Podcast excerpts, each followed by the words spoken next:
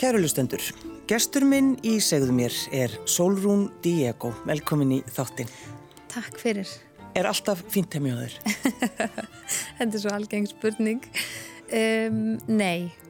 Já, og fólk vil fá þetta svar. Já, nei. það vil nefnilega að maður sé mannlegur. Nei, um, það er yfirleitt mjög snirtilegt heima á mér en ég held að sé bara eins og hjá öðrum fjölskyldum sem eru börnina heimilinu. Það er svona, ég nenn ekki alltaf að vera ganga eftir þeim og, og týna allt upp. Það er vel eitt fara aðeins að, að býða en ég hef alveg ég hef þroskast eftir eignarspöld það má alveg vera drast heima á mig núna en það mátti ekki en einu sinni. Já, þú meinar. Ég, var, ég átti pínu erfitt með að vennjast í að það væri fleiri en ég að ganga um heimil mitt og, og drastla en, en núna nýti ég þess bara meðan þau eru lítil og, mm. og nenni að vera með mér og, og drasta allt til. Menn ég hef já, bara getið til þess að vera með þeim fyrst mér bara frábært. Mm. En þannig að, sko, þú lýsir svo svolítið þannig svolítið eins og þetta hafi verið næstu í vandamál að, að hafa allt svona fínt. Já, það er svona já, það, ég, já, ég verði ekki það þurfti alveg smá að vennjast er svona að læra að njóta þess bara að vera bara núna og okkur neina að njóta tímans með þeim í staðan fyrir að vera endurlust að ganga frá eftir þeim. En finnst þér þú sko þegar allt er svona fint í kringu þig og það er svona gott skipulag finnst þér þú þá hafa einhvern veginn svona stjórn á öllu bara, eða bara stjórn á lífinu? Já. Það er svolítið þannig? Það er svolítið þannig Já. og ég er alveg fyrir eitthvað svona reyni átt að stjórna aðstæðum og svona er svolítið svolítið týpa en já, ég held að það sé svolítið svona tilfinningin sko mm. að ég vilji hafa allt á sínum stað og, og svona sé ekkert sem er að koma róvart það er svolítið ég Já, þegar þú opnar skáp eins og hjá mörgum öðrum sko þá verður maður úr svo að hýsa það sem maður sér hann einst en þú já. veist nákvæmlega hvað allt er Já, það er, já, mætti segja það en, en hefur alltaf verið svona svona? Sko, ég er að vissileiti alveg svona upp að það var alltaf mjög bara hreint og, og, og fínt heimið á mér og alveg uppi það að ég þurfti, ég á bara með mín verkefnu heimilinu og fór ekki út í skólan á þess að vera búið að búið um og annað þannig að fóreldrar mín er hafa, já, aðlit upp í mér þannig að ég, mig langar að segja nei en ég held ég þekki bara ekkert annað en að bara að ganga vel um og aðla bara ganga vel um dótið mitt og þykja vænt um það sem ég á mm. að svona að það þurfi ekki alltaf að kaupa nýtt eða eiga fínast og flottast að bara svona að vera sáttum með það sem maður á og ganga vel um hlutina mm. já, svona sko það er þetta einmitt þegar maður lappar út að mánuðin dags og vera búin að búa um. Já. bara það litla það er svolítið góð regla. Já og mér finnst þetta líka vera þannig að sko þetta er fyrsta verkefnið sem að maður gerir eiginlega já bara þegar þú startar deginu, maður byrja degin að búa um. Og ég er yfirleitt með alveg ansið mörg verkefni yfir degin og ef ég klári ekki fyrsta verkefnið á listanum mínum hvernig á ég þá að klára öll hínverkefnin á listanum mínum? Þannig að það er svolítið svona, ef dagurum byrja vel þá er maður bara, líður manni bara mikið betur. Og ég eini yfirleitt að áður en ég fer að sofa þá reynir ég að hafa allt á sínum stað og svona ganga frá þess setja í eftirdvelin og allt þetta þegar krakkarnir er. Sopnaðir þannig að þegar maður vaknar þá er einhvern veginn eina sem þú þarfst að gera er bara að hafa sjálfum þig til, koma á krakkunum út búa um rúmin og draga upp og opna út eða gluggan og svona. Já, lofta. Já, og þá getur þú kemur heim þá tekur heiminu alltaf svo vel á móti þannig að það er svona eitthvað sem að svo tilfinning sem ég svolítið svona lefi fyrir. Já. það er svona að gefa mér þetta búst, ég er ekki alltaf í ykkur svona ströggli með að taka til, ég held ég ger þetta bara svona ómeðvita, bara svona geng frá. Og það er bara svolítið svona líka mín svona hugleðsla hvort það er að brjóta saman þvottin eða setja í eftirdelina, það er svona hlusta á eitthvað og svona aðeins að dreifa huganum svona, mm. svolítið, og sérstaklega núna í á þessum tímum sem eru núna í þessu COVID þar sem maður reyka sér ekkert mikið að fara út að svolítið svona ná að að kjarna sig þegar maður er að gera eitthvað svona hluti sem, er, sem að flestir þurfa að gera, að hugsa um heimili sitt eitthvað svona pínu bara að ná að setja þetta upp í annan búning ekki svona, oh, já, alveg bara einna þrjár þóttæðilega eftir að bjóða saman úr þessum þóttæðilegum með, með þóttafjall eða hvernig sem það eru uppvaskað annað að freka bara svona, já, nú ætlum ég bara að nýta hana tíma ég bara algjörlega að hugsa um sjálfa mig og bara svona huglega aðeins á meðan, mm. hlusta á eitthvað sem að eitthvað uppbyggilegt, þannig að það er svolítið svona, það snýst svo mikið um hugafarið, ekki alltaf að að verkefnin séu svo stóra eða mikil að þetta er svona já, viðhorfið breytist aðeins Það, sko maður hefur á tilfinningunni Solrún að, að því finnist ekki dvola þægilegt að láta kalla því áhrifavald. Það kom svona einhver svipur á þig. Já, það er einhvern veginn þetta orðið er bara svo það, já, þetta orðið er mikið ofnotað Já, og svona oftast er þetta notað í neikværi merkingu. Það er kannski ástæðan fyrir að maður svona maður finnst það ekkert skemmtilegt að láta kalla sig áhrifavald en svo er bara mismunandi hvað fólk segir. Ég, að því ég er búin að gefa út núna tvær eða þrjárbækur þá get ég tilla með sem rítönd þannig að ég er spáði að vinna, vinna með það núna. Alveg út með áhrifavaldi Já, finna eitthvað nýtt. Já, en, en sko þegar þú á sínum tíma skrifaði þessa bók heima Já. að þá í rauninni sko fólk var svolítið svona að nextlast á þér tala ítlum þig Já. og svona mjög sérkynnileg viðbröð. Já, ég held að mörgum hafi fundist ég full ung til þess að stígan á þennan vettvang og sem ég skil af þessu leiti að því að fólk svona já, held ég væri bara komið með eitthvað gjörning þannig og væri bara að reyna að sigra heiminn á ykkur en staðan er bara þannig að það er engin að finna upp hjóli, þetta er bara eitthvað sem að ég var búin að gera á, á hvað taka lengra og, og gefa út þessa bók og sjá svolítið bara svona viðbröðin og ég var ótrúlega stolt og ána með það sem ég var að gera og bókin fekk mjög góð viðbröð og alveg bara fór fram úr björtustu vonum. Þannig að það er svona held, held þessu gangandi að maður svona pínu bara hlusta ekki á neikvæðirættunar og hefur svolítið svona já það hefur kent mér þetta, já þessi ferill hefur kent mér alveg mjög mikið og hefur þroskað mig alveg helling og, og bara til dæmis með þetta að, að taka ekki gaggrinni frá ykkurum sem að þekki mann ekki eða þekkir ekki til og það er útrúlega auðvelt að, að gaggrinni eitthvað sem þú heyrir um eða og þú ert ekki búin að kynna þér máli almennilega. Og það að dæmi ykkur eða tala ítlum ykkur sem að þú reynilega þekkir ekki eða veist ekki um það, þá finnst mér það svolítið segja meirum manneskina sem að getur sagt svolítið sluti heldur en nokkuð tíman mig sjálfa sem kannski var verið að tala um mm. Það var svona aðtjóðsendir, hvað er hún að gera upp á dekk og hvað veit hún hvernig á að þrýfa og alls konar sko bara fyrðileg umræða Já og ég held að það hafi svolítið slögt í þessu, þessari umræði þegar að ég kom síðan í árumótasköpunu og ég held að þessi til mikið með það, já, þetta stórkostlegt að koma til það. Já, það var ákveðin sigur sko. Já. en hérna, hábúndir en ég held að það, þá hafi líka þar sem mér fannst eða að finnast við árumótasköpið og ég ætla óregla manna mest mér fannst þetta frábær þetta var frábært aðri en það sem að þá svona inni mér var ég svona já og nú er líka pínu verið að gera grína fólkinu sem að talar illa um um mig að það sem að ég er að gera áhrifaldar yfir höfu það var svona, það var líka svolítið skemmtileg vingil Hver var aftur sem lekið? Hvernig var? Ég sko, sleðalt að segja en ég man ekki hvað hún nei, heitir nei, nei, það, en hún náði, mér, ja, hún náði mér svo hún náði mér ótrúlega vel Já. það var það sem var að finnast í þessu sko. Varstu þá með etikblöndu og eitthvað svona? Já og, og með reynd bara krana vatn í glasi og var að segja að þetta þrýfa það og hún myndi drekka það og eitthvað svona já þetta var mjög gott Já, þannig að þú eh, stóðst þar uppi sem sigurvegar eftir þetta Já, já. mér fannst þetta magna En Solún, þegar þú byrjar þú, þú fóst allt í hennu að, að bara gera alls konar einhverja hluti, sortira og, og taka til í skápum og fórst að setja það á Snapchat. Já. Og þá hugsaður, þetta er eitthvað?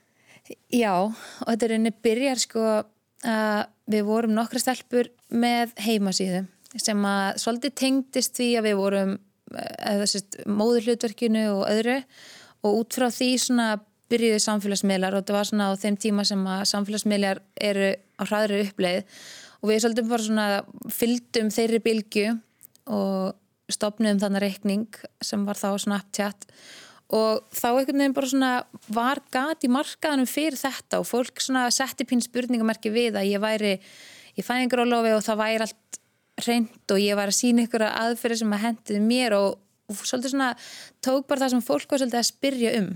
Og fólk var forveitað að vita hvaða aðferði ég var að nota og, og þegar maður sínir eitthvað sem að hefur eitthvað ávinning ef ég sýnir ég, ég sé að þrýfa bakarofnin hjá mér og þú sérð hvað ég sé að gera, þú sérðan verður síðan hreit, þá verður fólk forvitið og bara svona, já ok er þetta svona auðvelt, þannig að já. fólk svona gæt líka svolítið bara svona gert það sama eða pröfa sér áfram með það sem maður var að gera og það vakti mestu aðteglina mm. og þar byrjaði svolítið svona, þetta byrjaði á bakarofnum fræga og hérna hvað var þann alveg bara eins og bara í auglýsingu eða hvað? Já og líka bara það fólk miskilur oft sko ég hafi rosa gaman að þrýfum það er ekki staðan sko, alls ekki. Mér finnst það ekkit gaman, ég er ekkit bara yes það er komið tíma ofnin ég er alveg bara svona uh, en það sem að ég hef stundum sagt sem að mér finnst ótrúlega skemmtileg setning er að ef þú farið latast að einstaklingin í erfiðasta verkið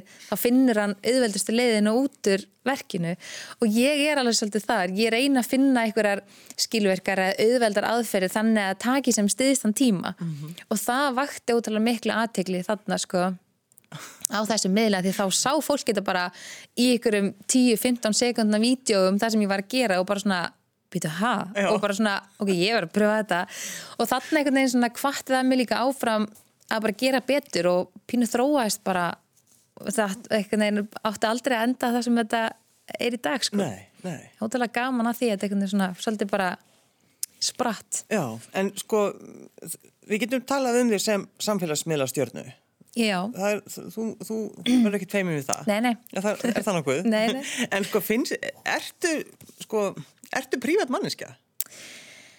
Já, sko ég hef alltaf verið það og ég er rosalega svona ég er svona hlétræk og ég var alveg gríðarlega feimin.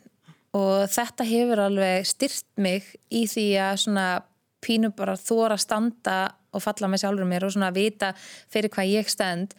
Og það er svona, já það er alveg margt sem að maður sýnir ekki en fólk eru auðvitað fljótt að dæma og heldur það að sjáu allt saman sko. Já og sem það má alveg halda en veist, það er kannski svona mínir nánustu vita, vita betur. Mm. en þetta fer ekki alltaf inn þannig að maður er líka alveg svolítið prævat Já, Já. Pass, pass upp á það. Já, maður getur ekki fara að sína allt saman. Nei, nei, nei, þú verður að hafa eitthvað Já, fyrir sjálfa þig. Nákvæmlega. Uh, En þú semst ferð Solrún í viðskiptafræðina en Já, ekki? Ert, þú ert í rauninni að fara með þetta allt saman lengra, í rauninni bara frá því að þú byrjar á Snapchat. Já.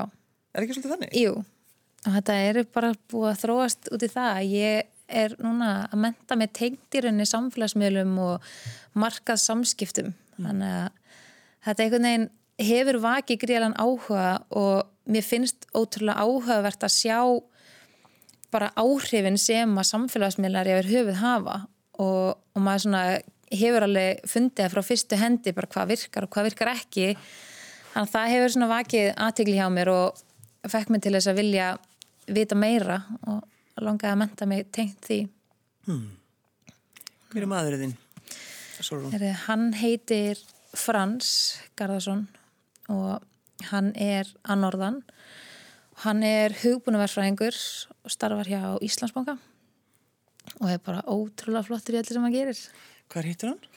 Herri, við kynnumst á þjóðháttíð og hafði aldrei síðan áður og fannst það bara mjög áhugaverður þannig að ég spurði hann hvert ég mætti ekki gefa hann um númurum mitt og Var, var hann hýsa? Um, nei, eiginlega ekki en hérna en jú, það er svona já, þjóðháttíð, það er allir svo það er allir í banastuði þar, já, þannig að En, allir í stuði. Já, hann var, hann var mjög ánæður allavega það var að segja það. En hvernig er hann inn í þessu öllu saman sko? er hann alveg er hann eitthvað inn í myndinni hjá þér þegar þú ert að, að fjalla um þessu hlut allavega? Sko, hann er auðvitað mjög stór partur af mér og allir sem ég geri og hann hefur alltaf verið bara stuðningsmaður nummer eitt. Og hann hefur, það hefur alveg komið til þess að ég hef sest niður og þurft að taka ákvörðum hvort að þetta sé eitthvað sem ég ætla að halda áfram að gera því að mm. þetta tekur þetta, þetta hefur tekið mikið á, það er, er alveg álag og það er það er svolítið skrítið og það þarf alveg að vennjast í að fólk viti ótrúlega mikið um mann og að fólk þekki mann í sjón og, og leifir sér að segja alls konar hluti og þegar maður á, á síðan börn við um tvö börn saman að þegar maður að börna þá svona er maður svolítið að deila hlutum sem að tengjast ekki bara mér sjálfri. Og þá svona hefur alveg hefur við alveg þurft að setjast niður og, og ræða þessa hluti og, og erum mjög samstíða með þetta. Og hann hefur alltaf kvart mig áfram sem ég er ótrúlega þakklátt fyrir að því að hann einmitt sér kannski líka bara hvað þetta hefur styrt mig. Þó svo þetta hafi líka alveg slæmar hliðar en þá hefur allt bara sína kosti og galla. Já, já, já, já. en ég er kannski ekkert mikið að, að veifa símónum í andliti á honum sko en hann er ótrúlega góð kokkur og eldar mikið hann ég sína alveg stundum frá því þegar hann gerir eitthvað tengt því og svo er hann, jú, hann er alltaf stór partur af mig þannig að hann sérst alveg en ekkert gríðilega mikið en hann er auðvitað mikið og líka það sem að gerist á bakvið síman þegar hann tekur mig upp sko. Þannig að hann er vissilega stór partur af þessu öll saman. En, en krakkarnir ykkar, Eru, er, ertu að mynda þau, fá, eru þau partur af þessu? Ekki mikið. Nei. Það kemur alveg fyrir. Auðvitað er maður líka bara stoltur af börnunum sínum og eiga svona frábara, frábara krakka að hérna, að langar manni alveg að sína ótrúlega mikið frá þeim og bara deila öllum heim, bara með öllum heiminum hvað maður er á indislega börn en maður verður auðvitað líka að passa þeirra að friðhelgi og þau eru auðvitað í veist, leikskóla og, og, hérna, og mikið af börnum sem oft sjá hjá fóreldru sínum í símanum og margir sem að þekkja börnum mín kannski í sjón út frá þeirra miðlum eða vera- ég hef verið að stundum að greiða stelpunum minn, hún er rosalega fallegt sítt hár og er stundum að sína vídeo af því þegar ég hef verið að greiðin eða flétta eða sína svona hugmyndir hvernig þetta setja í hár og þá er þetta sérst ekki andliti á henni en, en hérna kannski aðra mömmur sem að sína dætrum sínum vídjónu og bara já ég var að pröfa að gera þetta og þá oft þekkjar hann í sjón þannig að það er oft hérna einhverja litla stelpur sem að spurja hana hvort hún sé ekki mæsól sem þær sáu í símanum í háruvídjónu en, en stelpunum minn finnst það svo sem ekkert leðilegt en þau koma alveg fyrir en ekki eitthvað svona auðlýsingatengt eða eitthvað svoleiðis reynum að halda í algjöru lámarki Já, en að þú, þú sagðir sjálf, Solún, þú veist, þú veist í raun ekki hvað þú ætlar að vera lengi í Nei. þessu. En ertu eitthvað farin að, ertu, ertu að hugsa það? Sko, Þú veist, bara hvenær er komið nóg? Já, mann alltaf getur ekki uh, mjólka hluti endalaust en á meðan það gengur svolítið bara smurt fyrir sig og maður fær, þetta skapar auðvitað alls konar tækifæri og hefur það sem að mér hefur kannski fundist allra best í þessu er það að þetta byrjar í rauninni þegar ég byrja í fæðingarólofi og að ég geti verið svona rosalega laus með hvað var það börni mín, hvað teki bara eins langt fæðingarólof með bæði og ég vildi og ég get alltaf skotist frá eða verið til staðar aldrei þurft pössun eða eitthvað kemur fyrir eða veikindi eða neitt slíkt. Og strákur minn var mjög veik, veikur fyrir ára síðan og það var aldrei vesen að vera frá vinnu eða neitt slíkt. Og það hefur, mér finnst það algjör forréttindi og hefur og á tíma þá var það eitthvað sem að hjælt mér svolítið gangandi við það að ég stjórna tímunum mínum alveg sjálf og þetta er, jú, þetta er vinna mín og ég fæ greitt fyrir það sem ég geri. En svona, já, hvað ég verð lengi í þessu. Ég, á meðan ég er í námi þá er þetta mjög gott sko að hafa þetta að samlega því. En þetta er, þetta er að skapa mér að þetta er bara algjör reynsla. Og reynsla líka í því sem að ég er að læra að hafa svona mikla reynslu og síðan e, ég er í námið sem ég er í þá held ég svona þanga til ég kannski hef eitthvað annað í höndunum og fyrir kannski að vinna eitthvað á tengt þessu svona á baku tjöldin eða leiðbyrna öðrum eða fyrirtækjum með svona markasetning og annað þá held ég þessu eitthvað aðeins aðeins lengur út Já, en sko, þú, þú náttúrulega á Instagram Já. og þú setur á hverjum einsta degi eitthvað þar, að ekki? Jú, Sko, en Solún Diego, ef að þið líður illa, mm. -hmm. setur þú samt eitthvað? um, nei þetta er auðvitað ámar misjafna daga en mér finnst mikilvægt líka að að sína allar hliðar. Ég sína alveg þegar reynt heimi á mér og oftast þegar reynt að því að ég er að gera eitthvað tengt í. En ég reynir líka að sína að heimil mitt sé bara eins og hjá öllum öðrum eða flestum öðrum. Og það er stundum alveg allt á kvolfi og það er ástæði fyrir þurfa alltaf að vera að þrýfa og skipla ekki skápa því það er, fer allt í óriðu og við eigum misjafna daga og við erum að gangi í gegnum mismunandi tilfinningar og annað og þá finnst mér mikilvægt að ég síni þá hlið líka ég síni kannski ekki akkurat á meðan ég er að dvelja í þeim tilfinningum en mér finnst mikilvægt að tala um það þegar ég sé hann búin að ná mér að stryka aftur mm -hmm. að því að því meira sem að fólk tengir við mann því meira nærmaður til fólks að því að ég vil ekki að fólk horfa mig sem eitthvað sem er óraunverulegt eða sé að keppast við eða neitt slíkt. Eina ástæðan fyrir að það sem hefur haldið mér gangandi er bara því að veist, fólk lítur á þetta sem svolítið kvartningu og kannski hvetur fólk til þess að gera betur, að hugsa betur um sig eða um heimili sitt og svona það líður öllum svolítið betur með það, þannig að ég vil ekki vera bara sína þegar það gengur vel. Þannig að þetta er svolítið svona ég, ég deil alveg svona mínum pælingum og vangaveltum og svona já, það sem að kemur oft upp og deilum maður alveg með fólki sko Sko, gerur þú lista á hverjum degi? uh, Já, eða ég ger eiginlega lista fyrir sko vikuna, svona yfir verkefni sem að ég þarf að klára. Hvar setur þú listan? Sko, eh, ég ger það yfirleitt í síma minn, svona fyrir, svona fyrir hvern dag fyrir sig, en ég yfirleitt skrifa það neyri bók þegar ég er að, að skipleggja mig fyrir vikuna. Þá er svona, eða gott að, punta þetta niður og svona leiður búin að koma þessu frá þau, búin að skrifa þetta niður, þá svona er stormurum farin úr haustnum og svona getur að halda áfram að innbytta þær eitthvað öðru. En Já. þegar að þú ferði yfir listan og, og, og eftir vikuna og þú sér að þú er ekki, það er ekki allt tekist, Já. verður þú þá brjáluð? Já, það var ekki það ná í mjög marga dag. Ég er trillist. Já, uh, nei, þá hugsa ég líka oft bara, ok, hvað var það sem að ég náðu ekki að klára og verið eitthvað sem ég get bætt mig, hvað get ég gert betur í næstu viku og líka passa ég, að brjóta ekki sjálfa mig ég er ekki að brjóta sjálfa mig niður fyrir að klára ekki eitthvað þá frekar hugsa ég bara ok, það er kannski að minga þessi verkefni í ennþá smærri verkefni þannig að ég ná að klára sem ég langar til að gera og bara eitthvað svona það hefur líka bara, maður lærir útrúlega mikið bara inn á sjálfa sig og maður lærir inn á alls konar nýjar vennjur með því að svolítið finna út bara hreinlega hvort það hendi manni og líka spyr sjálfa mig bara var þetta verkefni mikilvægt, af hverju náði ég ekki að klára? Hvað hvað er þetta verkefni að fara að gefa mér, af hverju fresta ég því? En já, já sko skipulag. Já. að skipulegja sig. Mm -hmm. þetta er náttúrulega sko þetta leysir alls konar vanda ef maður gerir það.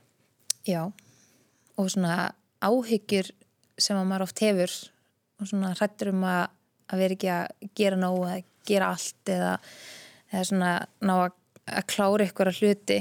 Ég veit ekkert meira óþægilegt heldur en að hafa á tilfinningum hvort ég sé að gleyma ykkur eða að vera ykkur starf sem að ég hafi ekki skrifað hjá mér. Þannig að það er svona nær bara að vera einhvern veginn meira rólegur og njóta bara tímans með fólkinu sínu ekki vera alltaf stressaður um að hvað maður sé ekki að gera. Mm. Sko, það er þetta til dæmis eins og við erum búin að nefna náttúrulega verkefnarlistan um, það gerir það verkum til dæmis að um, innkaup verða auðvildari og þess vegna matseldin að sjálfsögur líka sko. Og, og svo náttúrulega þessi rauðuregla á heimilinu. Mm -hmm. en þinn draumur Solrún var kannski að einhverju leita að skrifa bók um brúðkaup? Já ég var alltaf með uh, alls konar hugmyndir hvað var þar brúðkaup. Var alltaf mjög spennt að gifta mig. Og það var eitt af fyrsti spurningunum sem ég spurði manni minn þegar við kynumst hvort hann vildi ekki alveg öruglega gifta sig. Já, annars hefur þú skilað hann Já, annars hefur ekki alveg nefnt að ég tími í þetta. Og það var ég var í alveg mjög langan tíma að plana brúðköpum mitt og skrifa hjá mér hvað mér langa að gera og, og eins og kannski margir tengja við. Og hérna og síðan í rauninni kom hugmynd, eða svo hugmynd mm. að mögulega gefa út brúðköpsbók en svo þegar maður fór að skoða þetta svona svona, hvað segir maður meira heldur en bara hugmyndilega sé hvort það myndi ganga hrinnilega upp þá var kannski markaðurinn ekki alveg nú stór fyrir það en það kannski virka í Ameríku en, en hérna þannig að svo hugmynd kom upp að gera bara allt tengt skipulagi og þar fekk brúðköpskablin að vera mjög stór.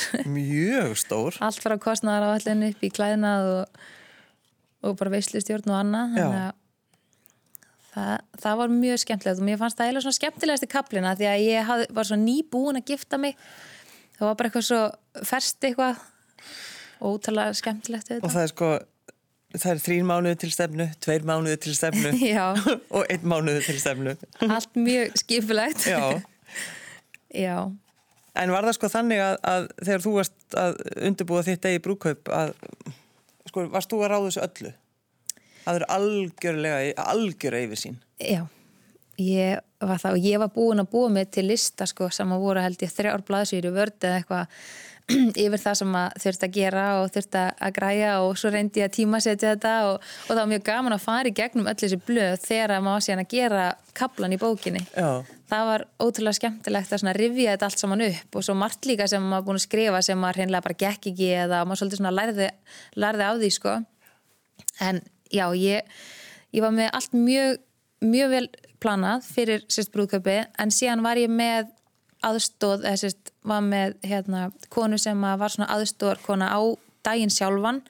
Þannig að ég sjálf var mjög róleg og það fólki allt í kringum sem var búin að tengjast mér og brúðköpsdeginum eitthvað var bara held að það væri hreinlega eitthvað að mér hérna á brúðköpsdaginn sjálfan en aldrei séð mér svona slaka.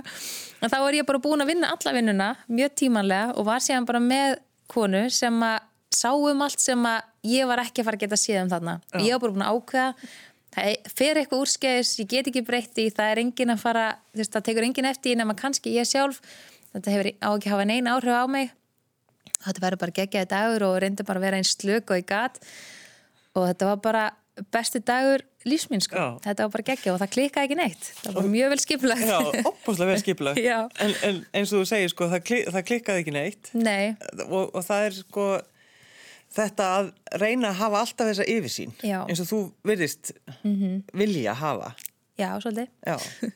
þannig að þetta er svona það getur kannski verið svolítið flókið að vera Solrún Díago á einhverju, einhverju leiti Já, það getur alveg verið það sko. Að hafa með áhyggjur á alls konar hlutum og, og pælingum. En ég hef núna með árónum alveg þroskast svolítið mikið. Og sérstaklega eftir ég var foreldri eða mamma. Þá svona einhvern veginn læri maður svolítið bara svona að maður hefur ekki stjórn á öllu og maður bara svona hlutinni bara stundum gerast og það er bara, en ég hef alltaf átt erfitt með sko að eitthvað svona komir á óvart eitthvað svona sem ég býst ekki við. Það hefur alltaf verið svona eitthvað, eitthvað svona bara frá því þú já, varst lítil? Já, eiginlega, þetta er alveg svona magna eitthvað svona sem að maður býst ekki við, ég veit ekki alveg hvernig ég, get útskýrt það en allavega svona með því að plana hlutina fram í tíman og svona hafa stjórna hlutunum, þá einhvern veginn var ekkert fyrir að koma eitthvað mikið óvart. Nei. En, en langaði stundum að vera einhvern veginn öðruvísi í tengslu við þetta? Um, já, ég væri alveg til í eitthvað sem ég er búin að vera að vinna í til dæmis er að, að vera ekki svona svakalega að því að sko stjórn sem er eða ekki rétt orðið sko. Að því að ég er ekki að stjórna einum niður neinum, þetta er aðalega bara svona ég að, mér langar ótrúlega mikið að stjórna hlutum en ég passa mér samt alveg að ég er ekki að traðka neinum tám sko og, hérna, hugsa bara um, um sjálfa mig hvað það var þar en eitthvað sem að mig hefur langað að breyta er aðalega það að ég hef alltaf verið rosalega feimin og, og svona hlétræg og ég hef alveg margist verið að reyna að vinna í því aðeins mitt að þóra að koma fram og, og þóra að standa með sjálfur mér og einmitt gefa út bækur, fara í sjómars viðtöl og eitthvað svona sem að ég hef ekki fulla stjórn á hvernig endar í útkomu. Þannig að það er eitthvað sem ég hef búin að vera að vinni og ég er ótrúlega stolt af mér fyrir að til dæmis fór ég áfanga í, í náminu sem ég er í svona framkomu hérna hjá henni Sirri hann Arnardóttur og hún hjálpaði mér helling og svona margt svona sem að ég svona séð að maður er alltaf að bæta sig eitthvað þar maður veginn mitt motto er svolítið það mér langar aldrei að hætta að læra. Mér langar alltaf að bæta mig og mér langar alltaf að læra eitthvað nýtt. Og það er svolítið svona sem að ég já, hef margast verið að vinna í að að bæta sjálfa mig á öllum sögum Mm. til dæmis í stjórnseminni. Já, þú sagði það, ég sagði það ekki. En eins og til dæmis, sko, jól. Ertu alveg, er, er listin stór? frá hvaða tímambili þá. Já, ég var að segja þrjár vikur. Já um, Nei, jú. Já, jú, kannski. Um, Ég er með alls konar hluti sem að mér langar til þess að gera. Og hérna og ég reyni að fylgja. En ég er alls ekki sko mér langar ekki að bytni á jólunum eða þessum tíma, þetta er meira bara svona hugmyndir, við erum með samveru dagatal fjölskyldan og það er alls konar hluti sem okkur langar að gera tengt svona hefðum og þú veist laufabreið og peipukökur og eitthvað svona. En svo er ég, þó svo ég hafa gefið út þrjóabók og það sé allt mjög hreint heima á mér og svona oftast þá hérna er ég samt ekki svo típa sem að þarf að þrýfa ofan á skápum og inn í alla skápum fyrir jól. Ég er ekki, ég er ekki þar. Ég, mér finnst það eitthvað sem að gerist bara jæmt og þjætt yfir árið, bara svona viðheld öllu. Og jólinn kom alveg þó svo bakarofnin sé alveg sko brunnin, brunnin og þú veist það er bara örbylgjöfnin er skítur og allt þetta það hefur engin áhrif á mig þar. Mm. að því að ég man þegar ég var yngri að þá haf, voru þessi hluti svolítið svona höfðu áhrif. Og hérna og mamma var alveg sveitt hérna bara ekki til höfðu líka í kortir í sex og bara reyna að græja allt og alla. Þetta er eitthvað sem mér langar að breyta hjá mér. Og og það kom alveg jól þó svo klukkunar hingin kl. 6 og það langar öllum að akkurat að ná að setjast og borða þá en, en þó svo að sósan sé ekki tilbúin eða maður sé ekki alveg eins og maður langaði að vera þá getur það alveg beðið og eins og með að þrýfa og annað. Það kom alveg jól þó svo að sé ekki allt 100% að, en listin sem er langar til þess að gera hann er meira bara svona líka til þess að er svona partur að því að komast í jólaskap finnst mér. Og partur af stemmingunni að þú veist Ég var til dæmis að þrýfa opnum minn í gerðkvöldi. Þú eru við þrýs og sem er búin að tala um bakaropnum. Já. Það er geggjað. Og hérna, já, og eitthvað svona, þú veist, það er alveg gaman, það er svona stemming, maður svona þrýfur hann og svo ætlum að baka kökur og, og hann að, jú, listin er kannski langur en það þarf ekki að gera allt á hann. Það er kannski það. Já, en þetta er, þetta er eins og þú segir, sko, þú hefur þroskast já. mjög mikið, þannig að þú hefur, þú hefur breyst. Algjörlega. Já. Og ég held ég þess, þessu sem ég hef verið að gera og sjá þetta líka svolítið svona frá öðru sjónurhaldni að svona maður, það eru allir að gera nóg það eru allir að gera sitt besta og svona kröfundan á sjálfa mig hafa kannski minga því ég sé hvað ég er að gera mikið og ég sé hvað ég er bara duglega á öðrum sviðum heldur en bara tengt þessu mm. og svona vera líka bara góður við sjálfan sig og ég hugsa líka oft bara, maður hefur kannski átt erfitt árið að jólun ekki alveg sem maður ætlaði sér og bara ég gerir bara betur næst. Mm. næst þá bara gerir þetta öðru sig eða sama í hva, hvort það tengist jólum með öðru. Það kemur annað jól og það, veist, það önnur jól og það kemur aftur sumafrí og allt þetta skilur sem að maður kannski var með eitthvað kröfur á sjálfan sig að, að gera. Bara svo mismunandi hvað fólk í hvað stöðum maður sé hvað maður sé að gera. Þannig að já, ég held að ég sé ekki með eins mikla kröfur á sjálfan mig og ég var Það er, er það ekki, er ekki svolítið góð, góð Jú, tilfinning? það er svona léttir sko. Já, Já. þannig að þú ert alveg sátt, sáttið þetta og eins og nefni líka einmitt þegar börnin ykkar komu þá bara mm. já, það er vist fylgir, fylgir krökkun svolítið svona dót, ég hafði ekki hugmynd. Aðeins, já, einmitt. já. Já, algjörlega. Solrún Diego, já. takk fyrir að koma. Takk fyrir mig.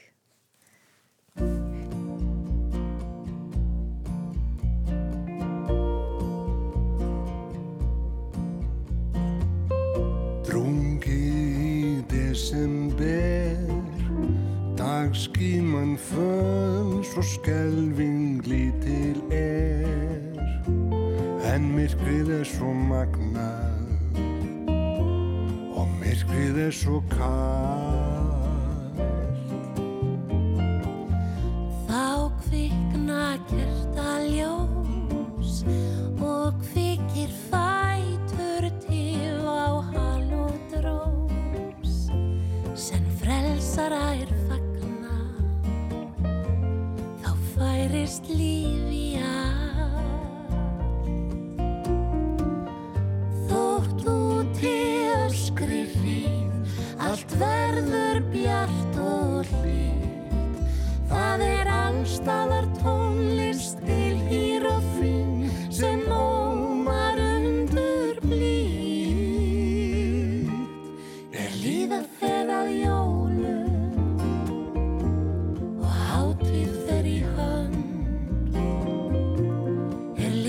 hacer